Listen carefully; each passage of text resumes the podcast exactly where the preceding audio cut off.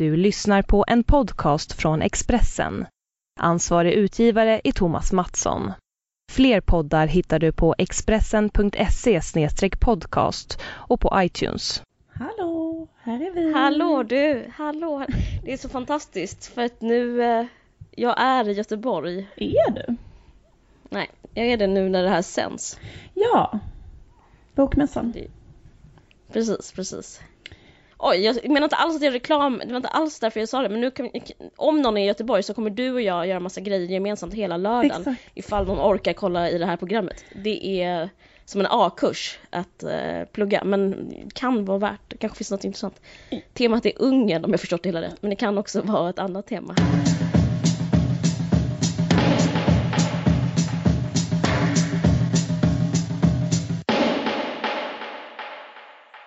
Råkade av misstag göra reklam för att vi ska ha ett seminarium klockan... Nej men, ja precis. Det ska vara prata lite grann om vår bok som fortfarande går att köpa. Oj, jag råkade säga. Jag hatar jävla, jag hatar alla horor som gör reklam, men nu så vill jag bara mest säga Ja, vi har gjort en bok som heter Kärlev och Caroline som fortfarande finns ute i handeln. Precis. Jag pratade faktiskt med en tjej och vet du vad hon sa? Hur hon och hennes kompis, hon bor tillsammans med en annan tjej, och de gjorde så här med den boken att de läste en fråga högt ehm, Ja. varje liksom, morgon och sen så, så läste de liksom för varandra vad vi hade sagt och sen efter det hade de en egen diskussion som så här vad de tyckte och om de höll med eller inte höll med. Och... Gud vad intressant, jag skulle vilja läsa deras bok. Ja, så gjorde de liksom så här en fråga om dagen. Härligt, eller hur? Så trevligt. Lät supermysigt. Supermysigt.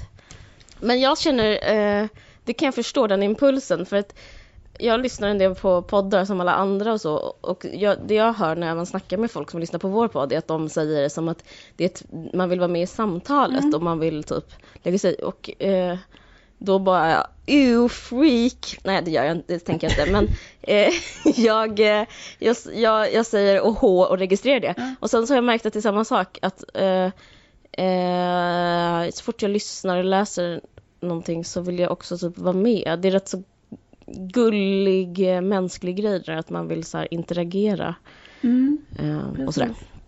Men det är trevligt att de gör det. Ja men precis, det är liksom också lite personligt tycker jag. För jag tycker faktiskt det kan vara ett problem med poddar. För att eh, jag tycker själv att det är ganska tråkigt att vara i ett samtal med två Alltså ibland är man i ett samtal där man själv inte får en syl i vädret. Alltså typ om man är med två kanske personer som känner varandra. Och så sitter de bara och pratar och sen är man själv sig utanför. Och eh, den, den känslan tycker jag ibland man kan få med en podd. Att man känner så här, varför, när får jag berätta mina tankar om eh, Ungern? Det Ja, det räcker inte med två poddar för dig. Du, du måste ändå... Måste ändå sitta Du och prata ändå. högt framför Hanna och Amanda. Mästra han och Amanda. Sitta och så Fast de här inte med fingret i luften under tiden jag lyssnar. Nej, nej. Um, Ja. Okej. Du påverkade mig till att eh, titta på ett nytt tv-program som eh, har börjat gå på SVT. Som Ja, heter Tro, hopp och kärlek. Jag blev, eh, jag blev så jävla förvånad att du, det här är, jag tycker det här är liksom min typ av program. Det här är typ sånt ja, program som men, jag ja, men det var ju typ som att, eh, det var att, vad ska man säga? Det var som att fjäska Ja, det kan man säga om jag ska vara helt ärlig. Jag gjorde det för din skull. Ja, för du skrev mest till mig, det var så här, kan vi inte prata om tro, hopp och kärlek med Mark Levengood i podden? Jag bara, vad? Ja. Ehm, Nej jag hatar sådana program, jag ser aldrig sådana. Men grejen är att det, det är tydlig, det, i min vänskapskrets är det också inne att vara kristen. Så därför är det väldigt många som eh, ser det på grund av att det handlar om religion. ja, Eh, det är inte alls det incitamentet jag har när jag ser det och jag, det, det är inte det, det jag försöker locka dig med utan eh, det är betoning på sista eh, ordet där. Det är i rubriken, det är kärlek som jag tänkte att du skulle vara intresserad Ja. av. Och det kanske det var. Eh, ja, Det är, det är ett datingprogram. Det är som Bonde söker fru fast det är Bonden är präst. Ja, exakt. Det är så otroligt likt eh, Bonde söker fru och eh, Ensam mamma söker och eh, alltså det är då Ja. liksom att eh, det är fyra präster, och en, eh, det är tre präster och en pastor. Och Ja. ehm, eh, pastorn är något av en favorit hos mig. Jaha. Skojar bara. Du, men, nej men grejen och sen är det liksom Mark Levengood som, eh, som, eh, vad heter det, Mm. som leder det. Men jag tyckte att det var så här, jag blev faktiskt chockad chockad över den hämningslösa plankningen av Bonde söker fru och liksom ensamma söker. Alltså hur estetiken är, hur alla uppläggen är. Och en annan sak som jag tänkte på det är så att i alla sådana program, och det här mm. skulle jag vilja ställa en fråga till människor som gör TV, mm. så, här, så, så mm. är det alltid så svensk musik i bakgrunden. Um, ja! Och det är så himla himla konstigt. Det är hästpojken typ. Ja, det är liksom så här, det är hästpojken, det är Uno Svenningsson, det är kanske så här ja. Lilla Lady med ja. Daniel Adams-Ray etc.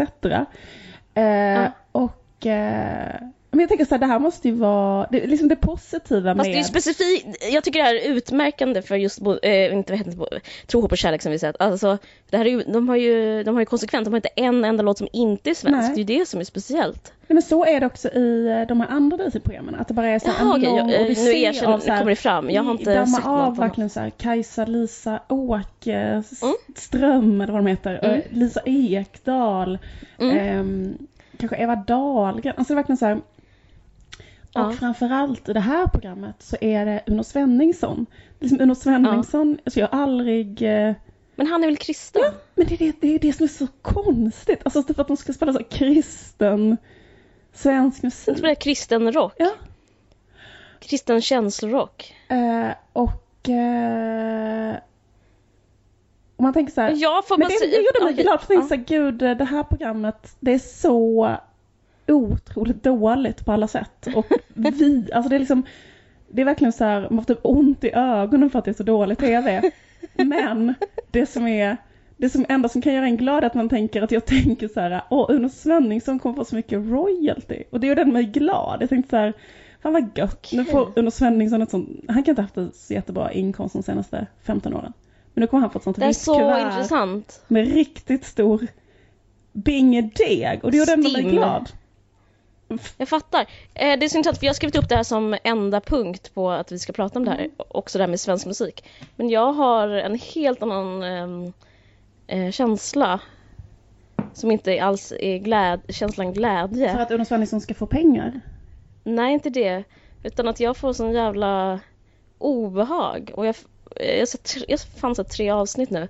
Och eh, de har ju slut... Jag får en... Eh, för det, de säljer ju hela programmet med att den svenska kärlekshistorien i naturen.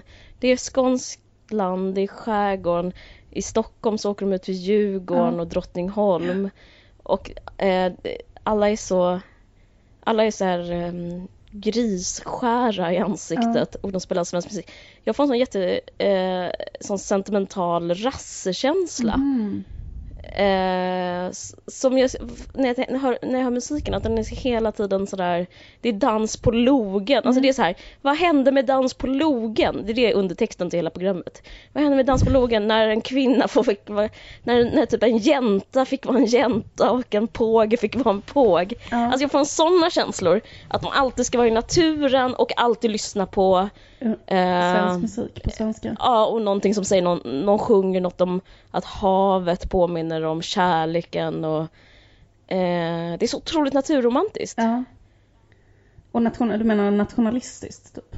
Ja, alltså som eh, eh, alltså, det är grovt att säga att det är nationalistiskt men det är, det är liksom eh, det vackra med Sverige liksom på något sätt som de det, alltså det finns en konservativ lasering över alltihopa. Ja, ja, jag tycker det är så himla konstigt den här äh, grejen då att de är liksom kristna och då är liksom hela grejen är så här. Äh, Punkt. Eh, att det är så här, äh, det är inget konstigt att de är kristna eller så här. Och sen, så, sen så är liksom, men det är ju, eller förlåt, men alltså jag tycker det är också just den grejen för att Mark Levengood själv är ju kristen och liksom, han är ju programledaren. Så liksom det finns ingen det finns ingen kritisk röst, det finns ingen motfråga.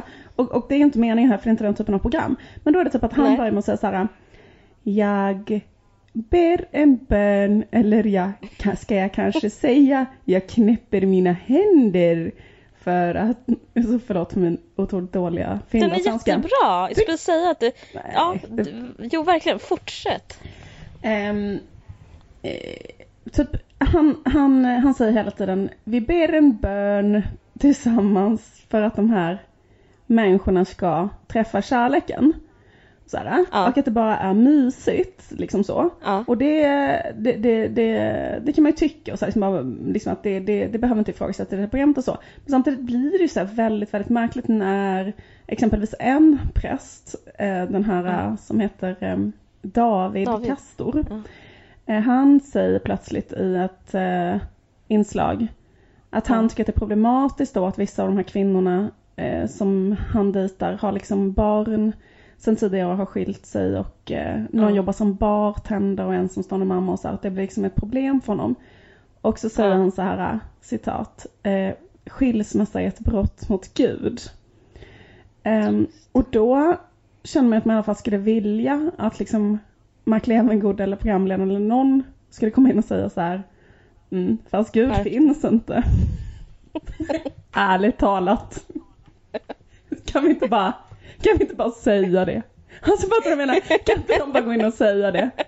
Så, eh, Ja. jo visst, och tomten är också jätteledsen över det. Eller förstår? Alltså, typ, liksom, så bara Jag fattar exakt hur du ge honom menar. en örfil och säga så här, Ja. nu, nu släpper vi det här lilla Ja, gubben. slut. Liksom, ärligt talat, men okej du kan säga det men oss män, eller du vet så här, på riktigt så är det så att Ja, ehm, eh, Gud inte existerar. Och sen liksom, Man kan säga en sak om honom som gör också en sån negativ sida av att vara så jävla gudsfruktig. Är att, eh, för man ska, man ska ju gifta det här, Gud och kärlek ska liksom, det är temat. Mm. Och, och han hade, för att alla lyssnare ska fatta, det är typ, det är olika präster och de ska träffa olika kandidater som en slags bachelor fast många i, en program, i ett program. Mm. Och då skulle han ha speed date med alla sina brudar. Mm. Då valde han ut åtta kvinnor mm, varav de flesta var fallna, typ hade barn och var skilda. Eh, och sen när speeddaten var så här, och det här är också bara in the name of God, det här skulle man aldrig kunna komma undan med annars. Då var en speeddaten i en källare i en, eh, satt han i en sån kyrkbänk och då bjöd han, det här var dejten, det här var det romantiska, han bjöd varje, del, varje dejt motpart på ett glas vatten. Jag bara fick sån jävla dålig känsla av hans, av hans känsla av romantik. För då är det liksom så äkta gud att bjuda på vatten om du fattar vad jag menar. Att så här, det var ingen så här vin, en präst bjöd ju sina karar på vin när de kom. Eh, och var lite så här, kanske en hors d'oeuvre. Men han var typ så himla äkta. Då skulle liksom ingen få ha det mysigt utan då ska alla bara, men nu typ Ska en ni- kall, en o, en rå skulle de kunna få till så att typ, jag sliter sönder en rå fisk och ger dig halva och jag äter halva och så tar vi ett glas vatten på det. Du tar ett glas vatten och sen ska du berätta om dig själv. Helt, jag bara tänker på den grejen att gå på en dejt. Eh, man har ju, en har ju varit på en del dejter i sitt liv och det är helt omöjligt att göra en sån grej utan att vara närmast redlös skulle jag säga. Ja. Alltså man måste vara så full, så, inte jätte, jättefull, men man måste i alla fall vara så full som man blir avslappnad. Jag bara tycker det är så jävla oromantiskt skit i det där med att man ska... Att inte, få, att inte dricka. Nej, men, Ja. ja. Alltså men, eh, Eller typ i alla fall äta en oliv eller typ så en bulle. Det är också så, det är så himla typ, typiskt killar att inte vara så här. Ja, men en annan sak som är typiskt killar med det är att det, alla är ju superkristna. Mm. Alltså det finns en ung pastor och han, han har bara så här råkat välja snygga tjejer, det är Mm. jättekul. Eh, och de sitter så här och gör en sån här gruppbön ihop, de tjejerna som ska Ja. gå på dejt med honom. Men det är jättekul för att det finns, en så här, finns två stycken eh, präster, varav en bor i Täby. Och eh, då är alla hennes kandidater så här. Eh, nej, jag skulle inte tro det, att jag tror på Gud. Typ, jag tyckte hon hade jävligt läckra ben. Jag tyckte hon hade jävligt, mm, hennes tindrande ögon. Tänkte du på det? Att det är bara liksom kvinnorna som måste vara kristna. Medan killarna bara så här, eh, jag skulle kunna inte brytt mig mindre typ om hon jobbade med. Eh, det finns rätt så kul. ja. Absolut. Det, en, en, men liksom, alltså, jag tänkte på en annan grej som jag tänkte var med hela processen och Mm. alltihopa som jag bara Mm. tänkte så här. Att det finns någonting också i det att ha ett datingprogram med präster som är eh, på något sätt så här motsägelsefullt. Därför att Mm. att eh, em, liksom dating eller så här, en sån slags urvalsprocess är på ett sätt liksom Mm. motpolen till kristendom. Alltså typ så här det är mer romarriket, eller hur? Alltså Mm, typ hur mm, det mm, är mm. att så här dejta och välja bort någon och välja någon och kanske gå på lust och sex och en egen preferens och ehm, andra liksom ska så här kastas bort liksom till förmån för den Ja, kanske. Mm, smalaste. Alltså eh, Mm. typ eller den sexigaste eller den liksom sådär.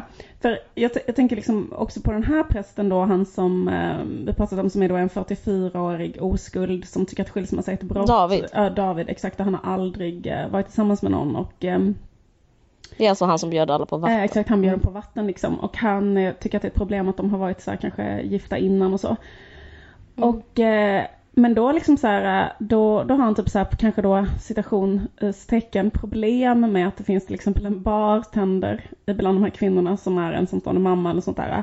Men Jesus um, på riktigt hade ju varit så här, eh, låt skökorna komma till mig, eh, låt Eh, Mm. Liksom, eh, du vet, alla halta och lytta. Alltså ju pajare ju bättre för Jesus. Mm. Eh, men Mm. han är ju ändå så, och, och vilket är liksom, eh, alltså du, förstår när man är kristen så, så, så ska Mm. man vara så öppen för Mm. det mest, eh, för de spe, alltså hångla med spetälsk är ju Ja, gud, ja. kristendomen. Att, Absolut. Eh, Men han eh, måste ju då gå på den motsatta linjen, nämligen ta den bästa. Liksom. Mm. Vilket han ju också Mm. gör. Alltså typ så här, det är någon jättekonstig tant som pratar om Jesus hela tiden och är liksom svin weird liksom och hon Mm. tar han ju bort liksom. Alltså så. Eh, Precis. Även om hon kanske egentligen är så Han- den bästa kristna där eller så. Att hon bara Men han tar ju den som är snyggast och, och, och yngst helt enkelt. Smalast är ju det som, som jag har identifierat, alltså i alla datingprogram jag har tittat Ja. på, så kan man se på första rutan när de står bredvid varandra, alltså i Bonde söker fru, alltså jag vet inte hur många säsonger som det här är 100% sant. Mm. Så här, den med lägst BMI är den som står i slutet. Det är alltid så. Ja. Det är alltid så. Alltså det är väldigt, väldigt, väldigt, väldigt sällsynt att det inte är så. Och han, den här bonden, kommer ju välja den där smala korthåriga. Det kan jag sätta. Ja, ja, det kommer han. Han hade så kul med henne. Jag Den, där, den hatt. smalaste. Ja. Nej, men det håller, jag- jag, håller verkligen med om det. Och han, eh, han kommer välja den smalaste. Det är exakt vad jag tänkte på också. Och han... Men han är inte jättesmal själv, men det hör ju inte hit. Han är han är ju som Guds gåva till kvinnorna helt plötsligt. Mm. Han har inte bara druckit vatten om man säger så. Herregud. Ja. Men jag, jag, vad tycker du om programmet? Du tycker du om det? Det kanske man kan göra ändå. Jag vet inte. Alltså grejen är faktiskt att jag tyckte faktiskt så här, eh, att det var liksom stötande i, Mm. i stora delar liksom. Att jag bara kände så här, Ja. det här är så dåligt. Alltså det är liksom, Mm. va, ska verkligen så här public service eh, gå ner den här dyn? Mm. Alltså jag tycker det är som, det är det är att slå in en öppen dörr men att liksom det här enormt så här fjäskiga, insmickrande mystonen eh, där man försöker så här kopiera en sån TV4-idé om Mm. att det är bönder och nu är det präster. Ja. Men jag skulle säga att det är någonting som är mycket mer oskönt med präster än med bönder. Ja, verkligen. Jag skulle vilja se de andra fyra stånden. Adel. Vilka är det mer? det var ju så. Först var det Borgare. bönder, borgare och adel. det är så nästa säsong. Adel söker fru. Ja, det skulle vara jättekul. Det hade varit något för dig med i. Åh, Thank you. Alltså bara för att du Som- gillar som- killar tänker jag. Jag fattar det. Menar, ja, ja men eh, borgare. Ja, Ja, ja. borgare Det skulle också vara kul. Ja, det är faktiskt jättekul. Nej men jag ska säga att bönder tycker att man kan ha så här bara, ja ah, men det är liksom en lite paj person som kanske bor på landet. Alltså det är liksom, det, det finns en större förlåt, alltså det finns en mer förlåtande i det men det är ju något med präster som är så här att han ändå sitter och säger så. Ehm, Men Jesus har ju sagt att den som säger att den är profet och är falsk profet. Alltså Jesus är emot prästerskapet. Just saying. det är så bra. Men det, det är det jag menar med att du, om till exempel du var programledare, så hade du kunnat säga det. Eh, Precis. liksom, Falska profet. men, du är en falsk profet. Typ om han sa så här, skilsmässa är ett brott mot Gud, så kunde du säga. Ja, men du är en falsk profet eftersom du utbildar dig till präst. Och, Nej, men jag vet inte. Jag känner också att SVT är lite så snarkiga med hela produktionen. Att de också så här, ja, v- att den här grejen att de tar Mark Levengood ja.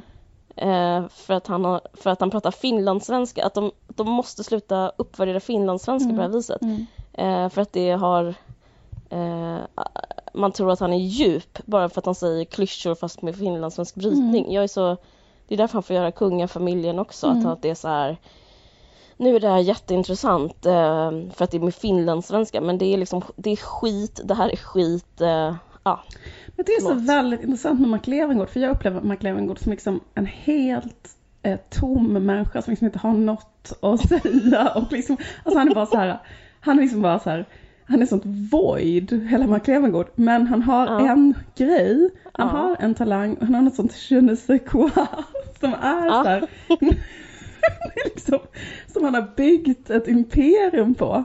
Och det är, det är, vad är det? Det är så här, det är, det är inte bara att han pratar finlandssvenska, för det finns ju andra som pratar finlandssvenska så här, jag vet inte vem, Jörn Donner eller något sånt skulle jag ändå inte kunna, Ja, liksom, ja, men det är så här, bilden, det, det är något mys, det är något med hans leende och bara ögon, eller någonting som attraherar Ja. människor väldigt mycket. Så, så vad han än säger, så börjar folk så här klucka, klucka nöjt. Att han liksom... men är det inte att han ofta liksom lägger in typ att han, att han säger jag och by the way, jag älskar gamla tanter. Men han, Alltså det, sådana det att han är sentenser. mysig liksom. Ja, eh, men han, han älskar typ finska pingar, pinnar, no pun intended. Nej men han äl- älskar typ så här småkakor. Men han, han är... Han, Han är liksom my, alltså han, han, han är en budbärare av mys. Han är en bärare av precis. eh, det. Som gör honom så här, jag vet inte. Det, sen han tror jag att han kan- sälja han- han är- guld på grund av det. Alltså han har ju, alltså. Han gör ju ja, det. alltså, Han han, Ja, men, men sen tror, är han också konservatismens apostel. Alltså i och med, det är ju egentligen inte helt okej att liksom, det sitter en sån kille och säger att man är hora för man har skilt Nej. sig. Eller det är inte okej med monarkin. Mm. Men då om man liksom laserar Mark Levengood på det, då, då, då kan man liksom helt så skamfritt liksom bara ta del av helt sjuka grejer. Jag tror liksom han är en slags, eh, man behöver honom på något sätt. Hans, eh, han är liksom en slags mysstötdämpare till något som är helt rubbat. det är jätteintressant. Det är verkligen huvudet på spiken alltså.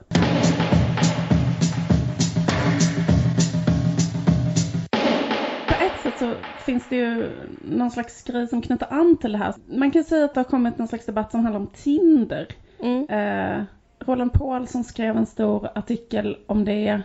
Och även i Vanity Fair har det varit en jättestor artikel, en uppmärksammad art- artikel som är Mm. skriven av Nancy Joe Sales som handlar om, alltså på ett kritiskt sätt om ett Tinder eller så här Tindersamhället. Och ehm, egentligen så är både Roland Mm. Paulssons och hennes case att liksom män får ett övertag på köttsmarknaden genom Tinder. Ja, För att de får liksom ehm, det finns fler kvinnor än män på, på sån här Tinder och liknande. Det är väl det som är hela ja, grunden till det. okej. För det står så här, Eh, män så har fått därför får de ett större urval. Ja, alltså det börjar helt matematiskt och sen så fortsätter det med makt eller vad man ska säga. Det står så här att män har fått ett ännu större övertag Mm. i förhandlingsläget Mm. om hur seriöst ett förhållande ska bli. Alltså typ att män kan vara på Tinder och vilja ha Alltså på ett sätt är det lite stereotypa så här, grundförutsättningar tycker jag är lite grann i båda de här artiklarna. För det handlar ganska mycket om att mäns intresse är att ha eh, engångsligg. Mm. Och kvinnors intresse är att ha långvariga relationer. Ja men precis. Eh, och så vet inte jag riktigt om det är eller så. Ja, men jag förstod det som Mm. att eh, de kunde ha det för att de har eh, Eh, kvinnor har inte den möjligheten att välja och vraka bland en så kallad fuckboy som är termen då, killar som bara vill ligga och en som vill stadga sig och en som vill eh, vara särbo utan men, men alltså män har liksom det är som, jag ser det framför mig som typ att kvinnor står ra, uppradade på rad och sen så kommer en kille och liksom går fram och tar en men, eh, person av dem. Men, men, det tyckte jag var det ena, men sen så fanns det en annan sak som var också att eh, som båda tar upp och det handlar om det här med eller som en konsekvens av det kanske, om att eh, män håller på med kvinnors utseende. Alltså de har rätt mm. att rata kvinnor. Eh, gjort, gjort undersökning, Roland Paulsen gjorde en undersökning själv eller om att mm. det är som att han häcklar, alltså männen häcklar kvinnor om de är tjocka. Det är jätteintressant. Apropå det du sa om bond, eh, Bonde fru, att man väljer alltid den med lägst BMI. Att det verkar vara så mm här också. Att man, det, det, det som kommit fram är att det är okej att ligga med typ en som inte har eh, lägst BMI men det är inte okej att ses på stan med det, med den ja, personen. Typ att han berättade att så här, överviktiga kvinnor liksom vittnar om det så på nätet då, att de kunde så först ha typ en konversation med någon ja. man och sen kunde den mannen helt plötsligt bara skriva så här, din äckliga gris eller så. Ja. Helt plötsligt till henne från att kanske ha haft något så ganska vanligt så här. Och att han inte hade kunnat hitta ett enda exempel på motsatsen alltså. Han kunde inte hitta ett enda exempel på en kvinna som hade så här börjat med att chatta med en överviktig man och sen efter ett tag skrivit att han var äcklig, en äcklig gris och så. Mm. Det finns, med, det finns ett Instagramkonto som jag var tvungen att sluta följa, för glöm, det är så amerikanskt, som handlar om sådana konversationer. Men det handlar om typ Women who say no, det heter alltså kvinnor som säger nej. Mm. Och då mhm. är det liksom att man postar en chatt med, om gör en skärmdump på typ en chatt, så är det så här, nej tack, vill du komma över, jag är kåt, säger killen mm. man börjar träffa på internet. Då säger han, nej tack, jag är lite trött. Okej, men om du är trött kan jag också upplösa dig att du är en trött kossa, du är en trött jävla fitta. Du är en, mm. alltså, förstå, Alltså att det här, att det finns en sån rejection. Aggression. Så, som är jätte, ja, precis, jättestark så här avvisande och aggressionsgrej som inte heller finns liksom från andra hållet. Det är bara, mm. det är liksom en sån manlig... Det där eh, har jag varit med om själv, så här, ja. exakt den här grejen. Alltså, jag, jag, jag kommer ihåg så här, flera sådana tillfällen när man så speciellt, jag var så här när jag var 19 så bodde jag i Spanien så typ jobbade jag så på ett disco där med att så här, ja. typ, plocka in glas och liksom på så här. Och då var det så jävla mycket eh, snubbgäng där hela tiden som höll på att ragga på en och då var det liksom bara så här, det är en enorm standard så här, typ att det var att typ de säger så här Åh du är så himla vacker, du är så fantastisk mm. och säger någonting, dina ögon, whatever, något, du verkar så speciell, mm. någonting. Och sen säger man så här, ja men jag är inte intresserad eller säger på något sätt att man inte vill eh, så här, eh, ligga med dem eller hångla med dem eller sådär. Och då eh, bara direkt så här, som på en sekund bara du är en sån äcklig jävla hora. Alltså så här, alltså mm. det verkligen så här hände mig flera, flera gånger just att så här, det, det, bara var en sån eh, man bara, var inte jag nyss för en halv minut sedan en fantastisk människa och sen är plötsligt, du är så jävla ful. Alltså typ den grejen. Eh, ah, så det så, ja, jättesjukt. Jag kommer ihåg flera sådana tillfällen som bara var så här, just den där rejection anger. Ja. ja, precis. Men det, är men det är intressanta mm. jag tycker med den här, eh, speciellt nu har jag bara en plupp kvar, mm. det är mm. därför jag pratar lite snabbt. Okay. Men eh, eh, är det här med att, eh, jag ska citera, eh, han skriver så här, hur mycket man får ligga avgörs av de gängse valutorna, ekonomiskt, kulturellt och socialt kapital. kapital, men framför allt av vad sociologen Catherine Hakim kallar erotiskt kapital. Mm. Alltså den typ av utseende som i en given kultur uppfattas som sexuellt attraktivt. Ja. Den narcissistiska önskan om att vara en god erövrare eller ett åtråvärt objekt driver sedan människor mot maximal avkastning på, den e på det egna kapitalet att denna narcissism sammanblandas med sexuell lust är som Ölbeck som man pratade om innan mm. och andra påpekat snarare regel än undantag. Och det tycker jag är det, jag, jag, vi, apropå vår bok, eh, vi skriver om narcissism där och det här känner jag igen från typ andra böcker jag läst om narcissism. Att man, att det går på ens relationer, att det finns en sån ensamhet i typ vår tids narcissism. Och jag känner inte till att det fanns något som hette typ erotiskt kapital som man kunde så här, handla med mm. Mer eller mindre. Men det är intressant att det finns och jag, jag, fattar, jag fattar vad... Det är, det är en bra iakttagelse ja. för att jag upplever det jättemycket själv i eh, vår samtid att man man inte relaterar till människor och, och, eh, och det blir som man liksom kanske då dejtar någon eller det här med att man inte kan ses med någon tjock eller ja. man kan ligga med någon tjock men, men man vill eh, inte bli ihop med den tjocka och att den där bonden vill bli ihop med den smala och att det inte handlar om att det, det handlar inte om ens, ens lust utan det handlar om ens en slags visuell bild av en själv. Det finns jättemånga forskare som tror att de här bild, bilderna av lycka, att det är det som driver en till olycka. Mm. Att man har liksom, så här ska det vara, jag ska vara en uppburen, firad, eh, liksom karriärist med en tjej som ser ut så här eller kille som ser ut så här. Det, och det som är intressant är att man slutar lyssna på sig själv, man slutar lyssna på ens libido. Det är det väl han snackar lite om, eh, Roland Paulsen, att, ja, ja. att eh, han ser ett samband att impotensen har gått ner, det finns liksom, det säljs mer och mer Viagra för att ja. eh, killar och alltså, tjejer... det blir mer impotens. Ja, ja precis, för sig, impotens har gått upp, det, liksom, ståndet har gått ner. Eh, för, för att eh, eh, narcissismen är starkare än sexlusten. Liksom, att eh, det erotiska kapitalet handlar inte om sex utan det handlar om att bygga sig själv som bild. Det, det är väldigt intressant. Alltså att folk som vill ha typ så här en miljard olika sexuella kontakter eller så här ja. hålla på. Eh, eh, alltså, det, det de menar är liksom att det bygger inte på att de är så extremt kåta eller vill ligga med många olika människor utan att man vill få självbekräftelse på sitt erotiska kapital eller Ja, att man använder folk som spegel snarare än som mm. Eh, behovs... Eh, liksom, det handlar inte om ens liksom, inre behov, det handlar om ens människans liksom, sätt att få, se, eh, få vara, spegla sig i det yttre på något sätt, inte i det inre. Mm. Det är rätt så mm. läskigt tycker jag. Men det är intressant. Men det, det föranleder lite till att jag har läst rätt mycket om så Female Viagra. Ja. Känner du till det?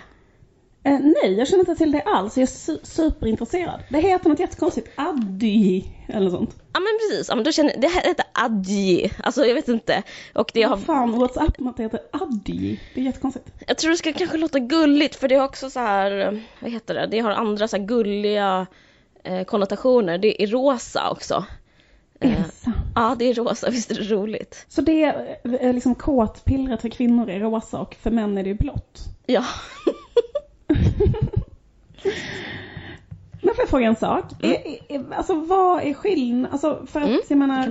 Um, nej men jag menar liksom att så här, uh, jag vet inte exakt vad Viagra gör men det är liksom hjälper Viagra ökar blodet. Ja, men blodet det borde ju vara samma i kuken, sak. ursäkta språket. Ja men liksom för, för, för du, nu tar du och skärper dig lite. kan vi inte hålla viss nivå i den här podden?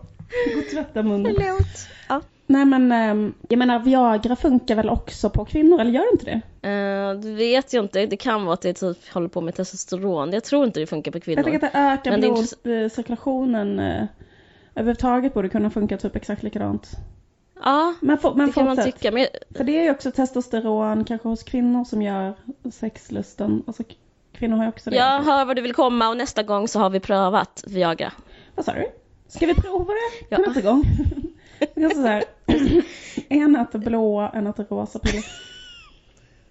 Men jag, skulle du våga prova ett sånt piller? För jag tänker så här, eh, du äh, har, har ju sån jättekänslighet mot mediciner. Du skulle typ tuppa av ifall du Ja, eller typ bli en nymfoman, bli såhär mångalen.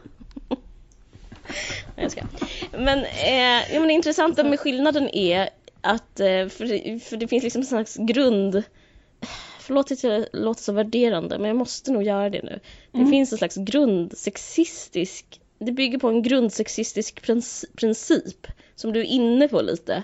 För att det är så här, det bygger på att kvinnor inte liksom de facto blir kåta. Att det liksom är så här, mm. jo men kvinnor det blir, alltså, man tar inte kvinnor in, är inte kåta. Kvinnor är inte kåta. Det händer mm. ingenting med svällkropparna. Ja. Det, klitoris må finnas och må inte finnas. Men för grejen är att det här, eh, skillnaden på eh, mans Viagra och ja. kvinno-Viagra, som, eller Adie och eh, Viagra då, är att eh, det går bara på hjärnan, alltså med kvinnor. Det handlar bara om, det är superintressant, så det handlar bara om att man ska blockera olika impulser. Alltså det funkar lite som SSRI och SSRI för er som inte vet är typ antidepressiver. Så Mhm. eh, det är som Prozac lite. Men det står så här, AD blocks certain cellular receptors from responding. Och det, liksom, det, det låter liksom som att man ska typ så här gilla läget lite. Alltså man ska liksom inte så här få impulser och känna saker som kan göra att man blir osugen på sex. Typ så här, eh, varför eh, var han så dum mot mig i morse? Precis. Och det ska man typ så här inte tänka på utan bara... Unlike Viagra, which affects blood flow to the genitals, Adia, Adia jag vet inte, is Jaha. meant to activate sexual impulses in the brain. Så att det är bara liksom, det är som att allting, typ som att man som att eh, man ska få liksom eh, ofiltrerade sexuella tankar på något sätt. Man ska så här ladda en situation sexuellt om jag förstått det hela rätt. Ist- Men det ska inte hända något med kroppen, man ska inte få så här styva bröstvårtor eller Nej. en blodfylld klitoris utan man ska bara vara så här, man ska vara bara, men så villig för, tolkar jag det som. Mm. Och glad, alltså typ som SSRI. Eh, men det, ja, det är Det är väldigt som att speciellt. typ så här dricka ett glas vin då. Exakt, det, det är precis. Och jag tror faktiskt vin, vin är... Vin finns ju redan och jag tänker att det är bättre för att de, gjorde, de har gjort så här undersökningar hur det funkar. Och då är 4,4 efter de har tagit det här, de har fått fyr, på en, jag tror det är en 10-gradig skala, sex, har en sexuell eh, tillfredsställande upplevelse av det här. Om de har tagit Vad sa du? Säg en gång till. Fyra? 4,4 eh, Ja. Procent eller? Eh, 4,4 4,4 står- eh, sa de bara, jag lyssnade på Ja. en podd om Ja. det. Men jag tror det är så här, och jag tror det är mer än, om man, mellan, man har 1 till 10 av, av en Aha. så, så har 4,4 en sexuell tillfredsställd upplevelse i, Ja. eh, per månad. Nu översätter jag från engelska därför det låter så konstigt. Aha, aha. Ja. Och sen så de som fick placebo, det här var de som har tagit av, eh, av pillret. Eh, tio, säg att tio stycken har tagit pillret så fick 4,4 något- en positiv upplevelse. Och de som tog placebopillret fick 3,7 en positiv upplevelse. Och de som inte har ett piller överhuvudtaget fick 2,7. Så det är liksom eh, skillnaden mellan 4,4 och 2,7. Jag är så dålig på matte, vad är det? Ja. 1,3 kanske? Jag vet inte. Ja. Jag sa säkert fel nu men du inte fattar. Eh, så det är väldigt liten effekt där får, men det, det, det har i alla fall fått, det får lite effekt. Men det, jag måste tänka på så, så jävla svårt att liksom isolera sådana variabler. För jag tänker så här, Ja, kvinnor, eller liksom människor som är himla olika och bara, vadå att... Eh, ja, alltså vi- vilka är de här 2,7 procenten som har, eller 2,7, liksom människorna? Det är människor som vet inte. liksom, är, är det liksom, om man, om man kollar på t- 10 kvinnor under en månad så har 2,7 en tillfredsställande upplevelse sexuellt under den månaden. Oj, Ja. vad lågt. Därför, därav marknaden. Men vad, vad räknar man som en tillfredsställande upplevelse? Något som man själv känner? Det var bra sa de också, det var kritiska mot, det här var ju favoritpodcasten Double X Podcast, i Slate. Då sa de också, vad betyder, vad är en tillfredsställande sexuell Mm. upplevelse?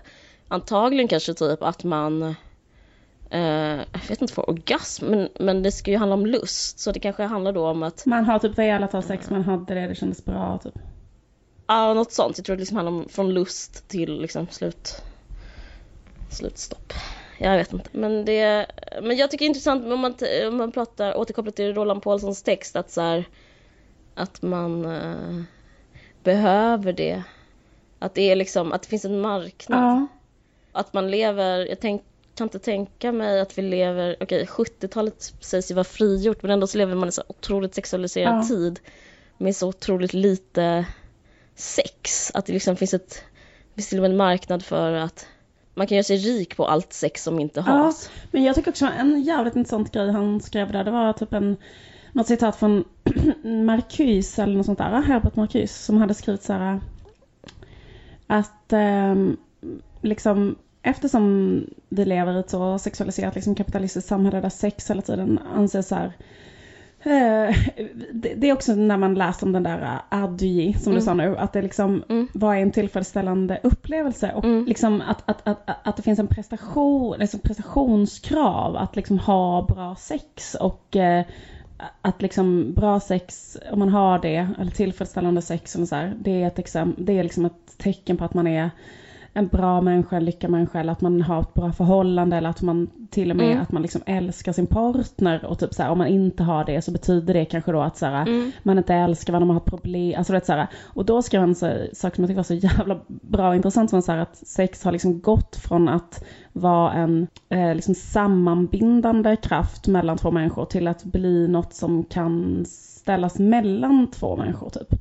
Att det blir, för jag tänker just den där grejen att mm. hålla på att äta en sån addi typ. Det känns som att man gör det för att det finns en outtalad förväntan mm. prestation mm. som mm. man känner att man inte uppfyller eller så här. Mm. Varifrån kommer det kravet liksom? Nej men exakt, det, det, det är jättekonstigt för det handlar, det, det är ett yttre krav låter det som.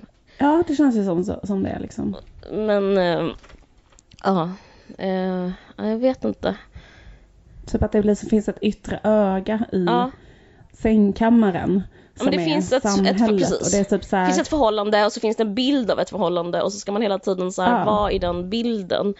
Även sexuellt liksom. Och så kan man liksom som par få så här väldigt dåligt självförtroende ja. om man till exempel har väldigt lite, väldigt dåligt sex för då känner man så här i samhällets ögon så var vi men så är man anomali och liksom, då är man onormal. Ja. Men, men, men jag tycker det, det intressanta är ju egentligen att folk har lite sex. Det är kanske det som man borde liksom kabla ut istället för Liksom, om, om det nu är så, så är ju det normen. För det blir så himla konstigt att alla tror på en falsk norm, att alla mår jätte, jättedåligt mm. av en norm som inte ens liksom finns. Det är liksom... Mm. Men också att eh, jag, jag vet inte vad jag ska säga, det är så kanske ointressant om jag är för eller emot det här eh, kvinnliga Viagrat, men det bör sägas att till skillnad från vanligt mans Viagra så finns det så otroligt många eh, side effects. Man kan till exempel inte överhuvudtaget dricka alkohol och man kan få leverproblem. Alltså det, det, det är farligt att ta det för att det är liksom mm -hmm. det mixtrar med hjärnan liksom. Ja.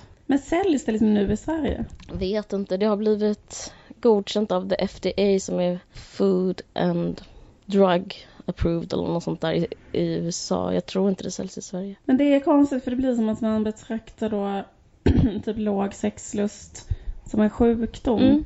Och eh, frågan är ju verkligen så här om det är det.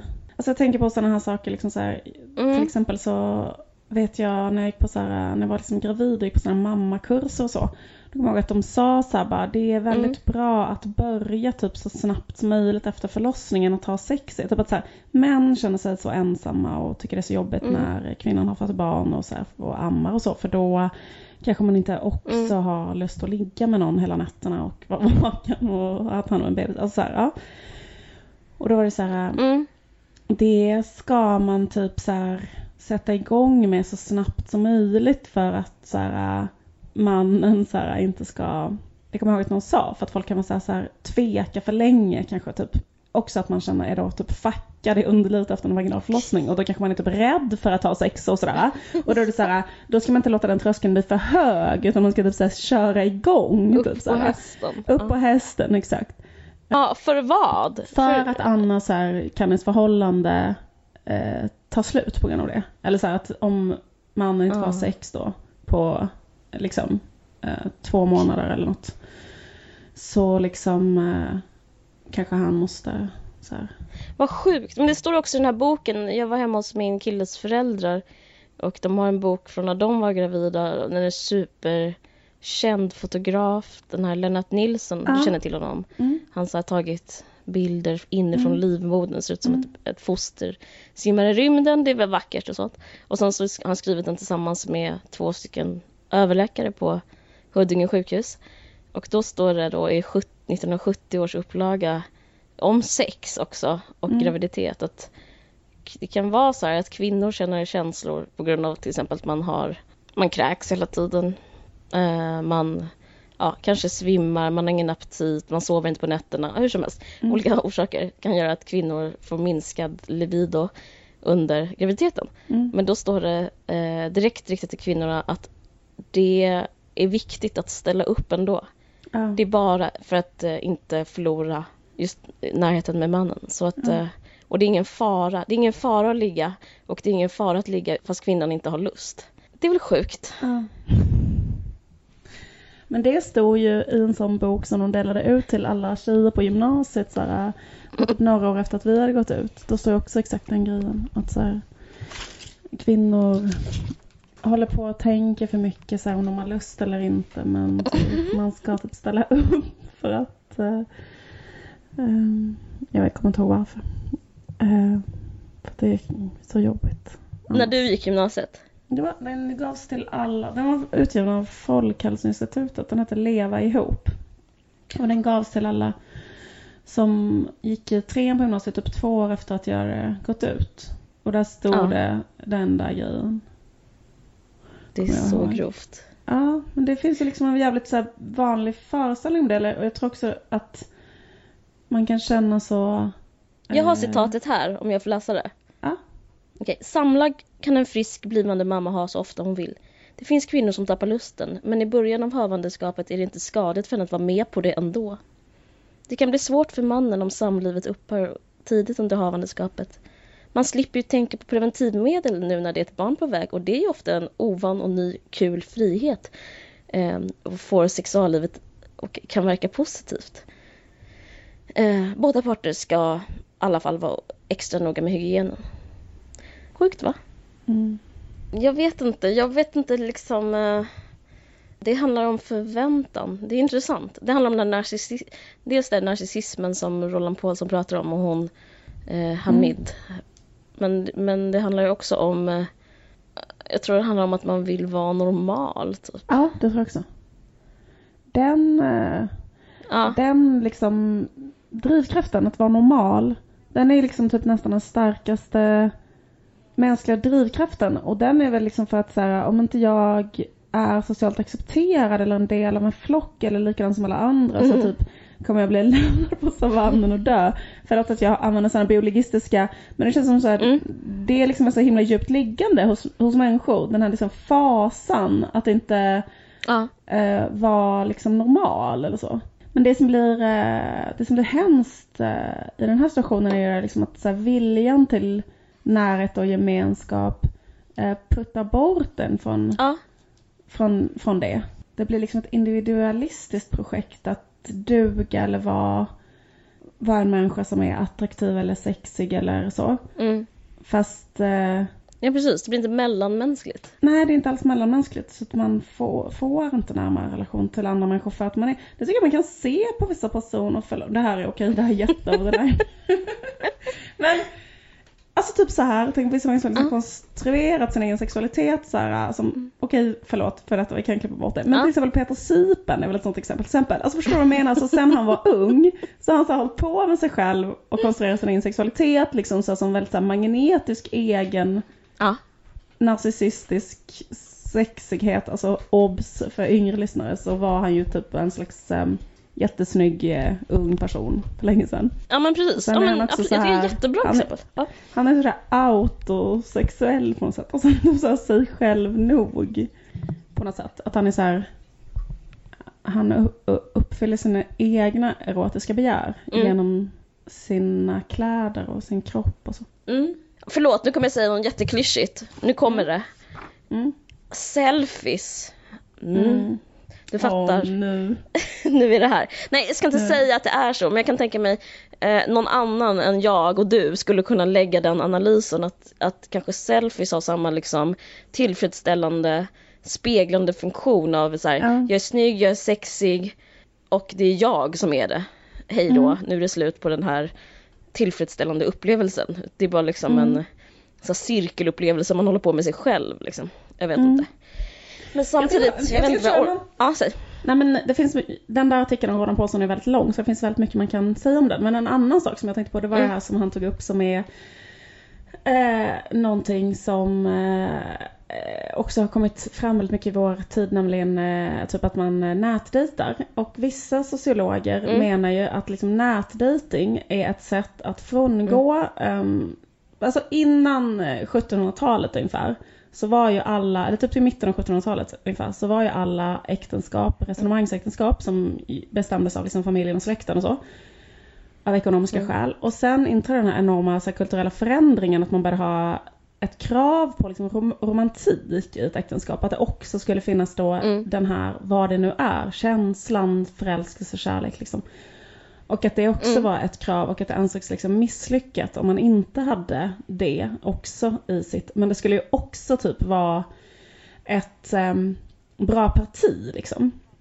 Det finns ju väldigt mycket Mm. så här, skildringar av den här, den här grejen. Liksom. Men det som vissa sociologer menar nu är att vi liksom går tillbaka till resonemangsäktenskapet därför att när man nätdejtar så fyller man ju i sådana saker så här, vilket yrke, eh, vilken längd, vilken vikt, Mm. jag vill inte att den ska röka, jag vill att den ska vara intresserad av kanske samma sak som jag är intresserad av, du vet sådana grejer.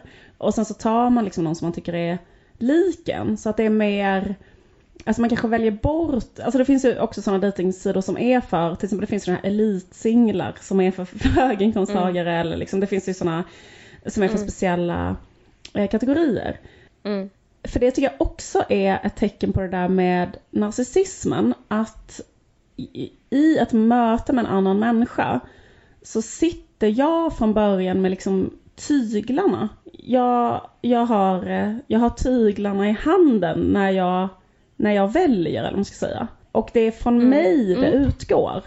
Liksom, det utgår inte från att jag Mm. ser en annan människa och liksom eh, faller för den eller så. Alltså Slavoj Zizek har ju pratat om att han är ju out på många sätt. Men han, han eh, pratar om att han tror att så förälskelse är på väg bort i vår tid. Alltså typ att, eh, alltså han, Okej. och, och han använder det engelska, eller så han bara säger så här, det engelska uttrycket heter så fall in love. Och att det är den här, Mm. the fall, alltså den här uh, grejen. Fallet liksom. Eh, Ja, fallet eller den här kapitulationen eller vad ska man Mm. säga inför en Att annan man överger person. sig till någon annan människa. Liksom, Ja, att och att man kanske överlämnar blir... sig kanske man säger. Exakt, och att det kanske är så här den här grejen att om man innan har tänkt så här, eh, jag vill ha någon som är intresserad av rockmusik och eh, matlagning. Mm. Och sen så, sen så träffar, för det är ju det som är, det är ju det som är att vara förälskad tycker jag. Att det sker, att man träffar någon som man inte trodde att Mm. man, eh, att man börjar älska och bli intresserad av det som den personen är intresserad av. För att det är den personen som är intresserad av det. Alltså Mm. typ så här, det blir sker ett magiskt under där man plötsligt, där allt som just den personen eh, säger eller tycker eller har på sig eller hur den är eller hur den äter en macka eller vad fan det nu är liksom. Det är det man tycker är det mest fantastiska som finns. Mm. Eh, så det är liksom det är liksom bakvänt på något sätt när man ska så här, börja att säga så här, det här gillar jag och sen ska jag se ifall du kan uppfylla det. Ja. Istället för att, alltså typ så här, jag, jag att det på ett sätt står i motsats till så här, det här äh, konstiga undret som sker i en förälskelse. ja, och framförallt är det väldigt uh, oromantiskt i uh, bemärkelsen att det är konkret. Alltså det är liksom nästan konsumistiskt att vara så här jag tar en sån och sen så tar jag en sån och en sån och en sån och tillsammans så blir Mm. det en person som eh, är civilekonom, eh, är Ja. vegetarian, Gillar segling. eh, gi- gillar segling och sjuk humor. Alltså typ, okej. Och sjuk i sängen. Nej men jag menar så här, det blir nästan som en shoppinggrej. Men jag vet inte, samtidigt upplever jag att det finns en annan metanivå för det här och det är att det finns massa klyschor kring just så här nätdatinganalyser som är typ att det är så här att det är en eh, att det jag, det jag sa nu, inte det du sa, eh, Gud förbjude att jag skulle eh, kritisera dig, det var inte det jag gjorde. Men jag menar så här, det jag sa nu att det är som konsumistiskt och shoppinggrej. Ja. Absolut, absolut, det är det. Men samtidigt finns en annan grej som är också sann om kärlek och det är träffar man någon jävel tillräckligt länge så blir man ihop. Ja, absolut. Kan- Men jag får bara säga en avslutande grej Ja. om det var, precis jag tycker jag har sagt en så ganska bra Ja. grej som jag tycker så huvudet på spiken. Sig, Nu vill jag be om ursäkt för att jag har eh, på senare år blivit en så här ding-dong romantiker, vilket ni märker nu när jag, hur, jag, hur jag pratar. Men grejen är så här, och jag Ja. vet att det liksom inte alls behöver vara så, man behöver inte vara så här del av att tro på det liksom. Men i alla fall. Men grejen är så att, um, precis säger så här. Om du har anledningar till varför du är kär i en person så är du förmodligen inte kär i den personen. Åh gud vad skönt! Ja, men- vilket, vad underbart sa- sagt. Ja, men det är liksom det, det är det som är grejen på något sätt. Alltså typ här grejen som är så här. För det är feeling han, Ja, man ska bara, exakt, det är man ska liksom bara hålla på med feeling. Helt Ah. plötsligt så Mm. tycker jag om något skit, förstår du? Hur det är så som Ja. när man är kär. Typ. Plötsligt tycker jag att jeansjacka är det finaste som finns. För att... eh, det Ja, skönt att du säger det, för att grejen är är han jag ska ha barn med.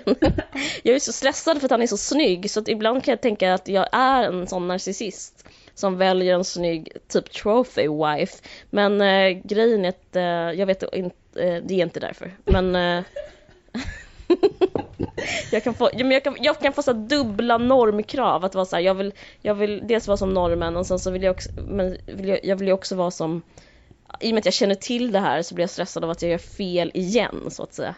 Men jag, Men jag tror också liksom, eh, jag vet inte, för den där grejen med, vad ska man säga, det som vi pratade om i förra avsnittet, det som handlar om Dan Josefsson och eh, Mm. eh, hemligheten och så. För det är på ett sätt en sak, alltså Mm. nu argumenterar jag mot mig själv, men eh, det tycker jag är det som är eh, vår podds signum. Mm. och, eh, men typ så här att, för, för, där, för han har ju, i den boken så skriver han så här, hur vet man att någon är den rätta? Mm. Och då säger han så här, man behöver bara svara på en enda fråga. Och det är den här frågan. Skulle jag kunna vara vän med den här personen? Och om man svarat är ja så kan man vara ihop med den och ha en livslång relation. Och, Mhm. och eh, han är ju då liksom, Men så känner man för många, förlåt jag vill inte förstöra någons teser men det finns väldigt många man hade kunnat vara vän med. Ja, Och, och det är också ett jättebra motargument om någon skulle säga så här, alltså jag känner att vi bara ska vara vänner. Så kan man säga så här, mhm, om du känner det. Ja, så, Yes! Ja, det så ska man skrika då. Det är tecknet för att du och jag ska vara ihop eller vara liv. Och så bara ger man ner den boken och bara stryker Så- under med röd penna. Jag har klarat testet. Äntligen. Nej men, ehm, men han är liksom extremen åt andra hållet. Därför att så här, eh, vilket, alltså, jag kan på ett sätt, alltså om man tänker så, så här, för vissa, och även i det här eh, prästprogrammet och så, driver liksom Mm. tesen, och även, det finns andra program som den här Gift vid första ögonkastet, som ett annat litet program, drev tesen så här, det finns jättemånga singlar idag, för det finns extremt mycket mer singlar idag än vad det har gjort innan. Och då är det så här, anledningen till det är för att utbudet är för stort. Och det är också den här Tinder-kritiken som ibland kan vara lite slapp så här, tycker jag. Som är så här, bara, ja det är det här jävla swipandet och alla är utbytbara och det har gjort att folk inte liksom så här, kan bestämma sig för en för det finns alltid någon annan där bakom hörnet. Och att det är så här utbudet i sig som är problemet liksom. Och att ju fler singlar det blir ju värre blir det, blir det liksom. Men... Det är så eh, moralistiskt. Det, gör väl ingen... Det är så moralistiskt. Det gör ju väl ingenting att det, att det finns singlar. Det är väl okej liksom. Jag vet. Och varför ska alla vara i en livslång relation? Det är också Nej, jättekonstigt. Men då, men då finns det typ, och även, ehm, eh, även den här unga pastorn i det här programmet säger Mm. till exempel så här, eh, jag har varit med jättemånga olika tjejer men det, det, det är den rätta som eh, jag saknar, det jag letar efter hela tiden är den rätta. Mm. Men liksom, eh, som Don Josefsson säger så här, vilket jag också tror på, det är också lite så här, bara säg att någon som är typ hyfsad är den rätta och sen bestäm det och sen så bara investera i det. Och det kommer också säkert att liksom, eh, alltså och Det vill där, är inte, det liksom- där är ju inte romantiskt. Nej. Det, där, det där är inte romantiskt. det är det jag menar, det är motsats, nu säger jag motsatsen okej, till vad okej. jag sa innan men liksom så här, Ja, att, jag fattar. ehm, att det är också liksom ett sätt att se på det liksom. Som det så här- är det, det är det. Ja. Men jag, jag och det är det jag menar med nätdejting också, att det på ett, på ett sätt tror jag också det kan vara bra så att det är så här, jag vill ha en familj eller jag vill ha det, då är det bara att knappa in det på datorn. Sen träffar någon annan som också vill det redan från början och sen så liksom är det lättare än att ta det Jo, på men springa precis. runt ute på stan. Precis, men det är det jag menar med det här med att man bara, det bara går till jobbet eller sitta länge bredvid någon i någon soffa så blir man ihop till slut. Men grejen är att det sår ens ego, det sår ens fåfänga. Jag tror att man behöver någon slags storytelling om sig själv. Det är därför jag liksom ändå tycker det är intressant det här med narcissism. Att liksom man behöver tro att ehm, Eh, alltså jag står liksom inte ut med om det är så. Det, det är för oma livet är för omagiskt om det, om det är så det är. Jag vill ändå liksom tro att det har att göra med något annat än att eh, man bara liksom man bara vande sig eller bara blev någon, man bara tog någon. Ja, ja. Det är liksom inte så kul. Men tror du inte att även människor som, där det var så, man vande sig, man bara tog någon, de eh, hittar väl på en sån historia att så här, en dag så kände, fast vissa människor är ju så att de inte eh, är Jo det kanske, men alla har inte, alla är, det är också ett sätt för mig att vara HSP, alltså High Sensitive Personality, att jag eh, blir för känslig för, eh, alltså jag vill ha en uppvispad eh, känslokontext för att jag ska Mm. känna mig, kunna identifiera mig i sammanhanget tror jag. Så att jag, jag, tror, jag ser, ser vissa som, in, som träffas på ett annat sätt, som inte har behovet av storytelling. Mm. Eh, men jag, ja, det är kanske helt ointressant vem jag är i sammanhanget, men jag, men jag tror att jag skulle ha svårt med nätdating just på grund av att man inte får eh, säga så här och sen så tittade jag upp och då stod personen bara där och då sa vi samma sak, sen sa vi smurf, sen sa vi smurf igen, sen sa vi smurf igen. Var det som när du träffade din kille? Ja, det, det var exakt så. Uh, nej ja, men okej, fattar. du fattar vad jag menar. Ja, men, men du, menar. Nu, nu är det jätteliten plupp, jag undrar om ja. ska säga någonting om Emmy innan vi slutar. Ja precis, jag skulle egentligen vilja bara säga en sak till. Ah, men absolut, förlåt. Men ja, precis. Um, jo, en sak som jag tänkte på med det där att det finns många fler tjejer än killar på Tinder. För det mm. första tycker jag att det är så jävla konstigt. Varför är det så? Jag vet inte ens om det är sant. Jag, jag tror, stod inte i artikeln. Ingen aning. Ja, men grejen är så att, eller känslan var att det var så. Men alltså någonstans där det verkligen finns fler killar än tjejer, det är ju i städer. Alltså det är ju så här ett demografiskt faktum.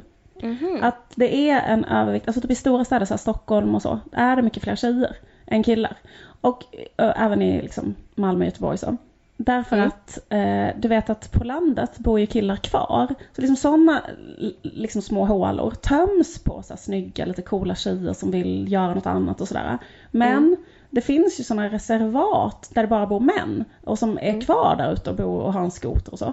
Och de reservaten måste ju ha sin motsvarighet i så här kvin coola kvinnoreservat inne i städer om man tänker på saken. Mm. mm. Och eh, det var en kompis Har jag en programidé? Eh, ja, eller liksom vad jag ska komma till är att det redan håller på att ske. Men alltså, men, jo men jag har en kompis som är så här, 34 år och precis har typ så här, gjort slut med sin kille. Och hon är, bara, hon är liksom så singel och vill säga skit och hon bara så här, det finns ingen kille. Alltså typ så här, och, och, och, så pratar hon om det exakt den här grejen. Att det, det är bara liksom tjäna en miljard typ jättecoola, jättesnygga, jättehärliga tjejer och, och, och, och liksom mm. fast ingen normal kille utan bara, förlåt jag använder ordet normal på ett sånt sätt men ni fattar vad jag menar. Mm. För det är bara då någon sån jättekonstig person som sitter i Norrland och röstar på SD eller alltså jag vet inte vad. Mm. Mm. Men då, men, eh, men sen tänkte jag på den här att så här, framtiden då kanske är Eh, förlåt att jag också är så jävla heteronormativ. Jag förstår om man stänger av. Men eh, liksom, och så tänkte jag så här, framtiden är alltså exakt som den här uh, Martina Haag-filmen som har kommit nu. Som en sån slags profetisk uh, framtidsvision. Att en sån 44-årig barnlös mediakvinna i Stockholm åker mm. upp till uh, Missångerträsk och träffar en sån barsk norrlänning Okej. Det är liksom lite grann så här, hon har lite så här spott. She's Den on to something. Som, vad sa du? She's on to something. She's on to something. Det är det som, Spännande, som... jag blir jättesugen på att se den. Mm. Alltså vi har ju innan den här podden också pratat om att Martina Haag är så här, väldigt så här smart. Vi kommer ihåg att vi pratade om det. Jag, tycker ja, att hon visst, jag älskar Martina Haag. Ja, och också tycker att det är så här, är något som talar för just den här filmen, att hon har sån slags um, det är en väldigt lösningsfokuserad framtidsvision som hon på något sätt presenterar som en slags profet. Parförhållande profet.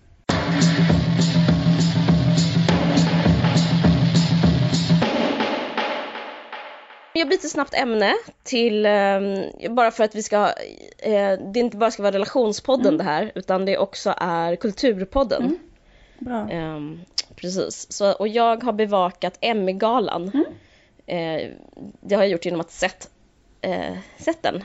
Och den var väldigt... Eh, eh jag älskar galan. Jag älskar galor överhuvudtaget. Alltså amerikanska, det, det är liksom ett mys tycker jag. Mm. Det kanske är som eh, kungabröllop är för dig, jag vet inte. Mm. Men hur som helst eh, så var det så intressant för att eh, han som eh, hostade den, vad fan heter han nu, Andy Samberg, eh, han sa en väldigt intressant grej apropå, apropå allt, apropå Sverige, apropå eh, den så kallade flyktingkatastrofen i Europa, mm. apropå allt, allt, allt. Apropå vad som, eh, att det här programmet vi pratade om innan, ja, då sa han så här att det här, när han gjorde sin inledande sketch, det brukar vara Amy Poehler, Tina Fey, men nu har, nu har Amy, Andy Samberg tagit över. Att eh, en sak som eh, med tv-året i USA är att det har aldrig varit så diversified som det här året. Alltså det har aldrig varit så mm. mycket mångfald. Mm. Och eh, det handlar liksom om olika, att det inte bara vita eh, liksom anglosaxiska caucasians, jag vet inte om man säger det, mm. caucasians. Alltså inte bara vita utan även afroamerikaner mm. och women of color och men of color som mm. Är, de är nominerade ungefär lika mycket. Mm. Och eh, eh, det är så himla intressant och de vann ungefär lika mycket också. Mm. Det finns en eh, kvinna som vann en, en tung eh, roll, jag tror hon heter Alltså, Viola Davis? Viola Davis, precis. Men mm. jag undrar om det var ja, men det huvudroll. Hon vann bästa kvinnliga huvudroll. Precis. Och hon säger ett citat som har liksom varit på sociala medier rätt så mycket. Jag ska bara sk skriva så det säger så det The only thing that separates ah. um, women of color from others is opportunity. Ja, precis. The only thing that separates yeah. women of color from other women is opportunity. Det säger hon, eh, Viola Davis. Viola Davis. Och det är, jo men det är ju så himla sant liksom. Men jag bara tänker på hur det, hur, samtidigt som SVT, jag jobbar med en tv-serie just nu, jag skriver ett tv-drama och som jag ska regissera sen i mars, det ska bli jättekul.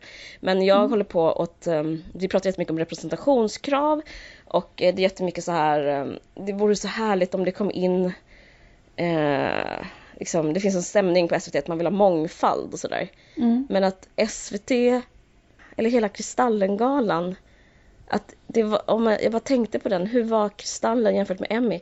Och det var att det inte var en enda rasifierad tv-serie eller, eller reality show eller biroll eller programledare eller alltså det var mm.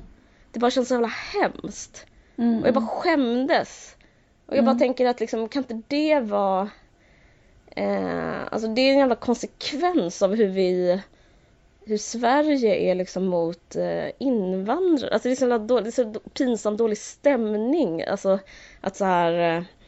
Eh, USA är jättebra och de typ så här har fått bort rasismen och det visar sig Eh, alltså i, i tv-världen alltså, inte hela, liksom att... Ja, inte generellt. Nej, precis, precis.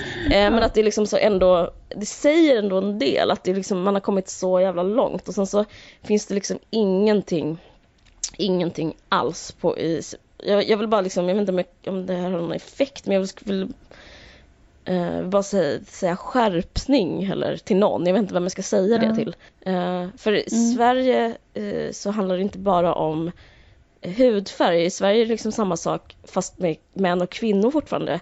Och det enda som skiljer män och kvinnor i dramavärlden fortfarande är just opportunity.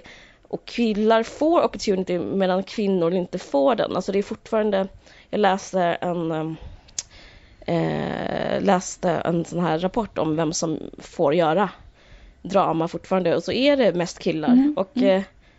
Eh, det, jag vet inte, det är väl typ ingen, det väl typ ingen kvinnlig upphovsperson till dramaserier. Precis, precis.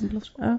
Och att det är inte svårt. Jag bara tycker det, jag tror det är därför det är så bra resultatet. Det handlar bara liksom om att ge, ge kvinnor och, och särskilt mig själv, eh, kanske därför jag bryr mig för att jag håller på med det här. Men jag skriver liksom också för det jag gör i en ungdomsserie och jag tänkte på det så här, varför är inte jag nöjd med det? Och det är jag på ett sätt, men den grejen är att opportunity, ett annat ord för opportunity är ju pengar.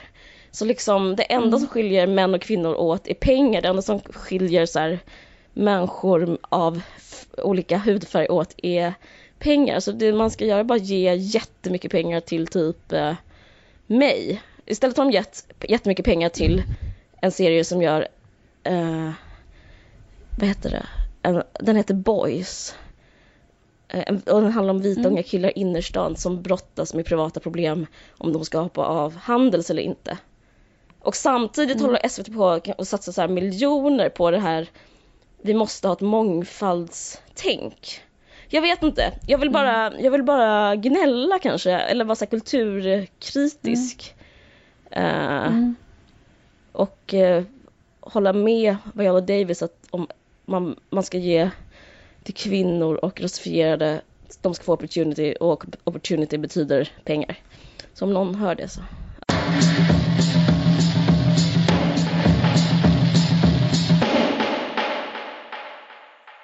Okej, eh, det var allt vi hade för idag. Eh, det här är en Vargsaxen-podd och eh, jag heter Liv Strömqvist och du heter?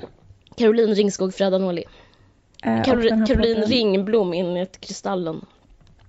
Caroline Ringblomma. Ja. Eh, och eh, eh, den här eh, podden görs i samarbete med Expressen Kultur. Ja. Eh, Den klipps av Moa, av Moa Lundqvist. känd från... Känd från eh, eh, Tankesmedjan i P3 till exempel. Och en härlig komiker och vän. Och hon har också en ny podd som heter Moa och Dilan som man kan lyssna på. Det Dilan och Moa heter den? Den är jättebra. Och eh, musiken gjo- gjordes av Vit Päls som också har ett nytt band som heter Laser och Bas. Som också är Mm. jättebra. Mm. Yes. Härligt.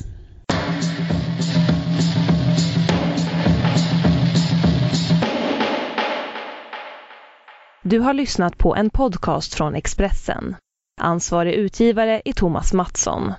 Fler poddar hittar du på expressen.se podcast och på iTunes.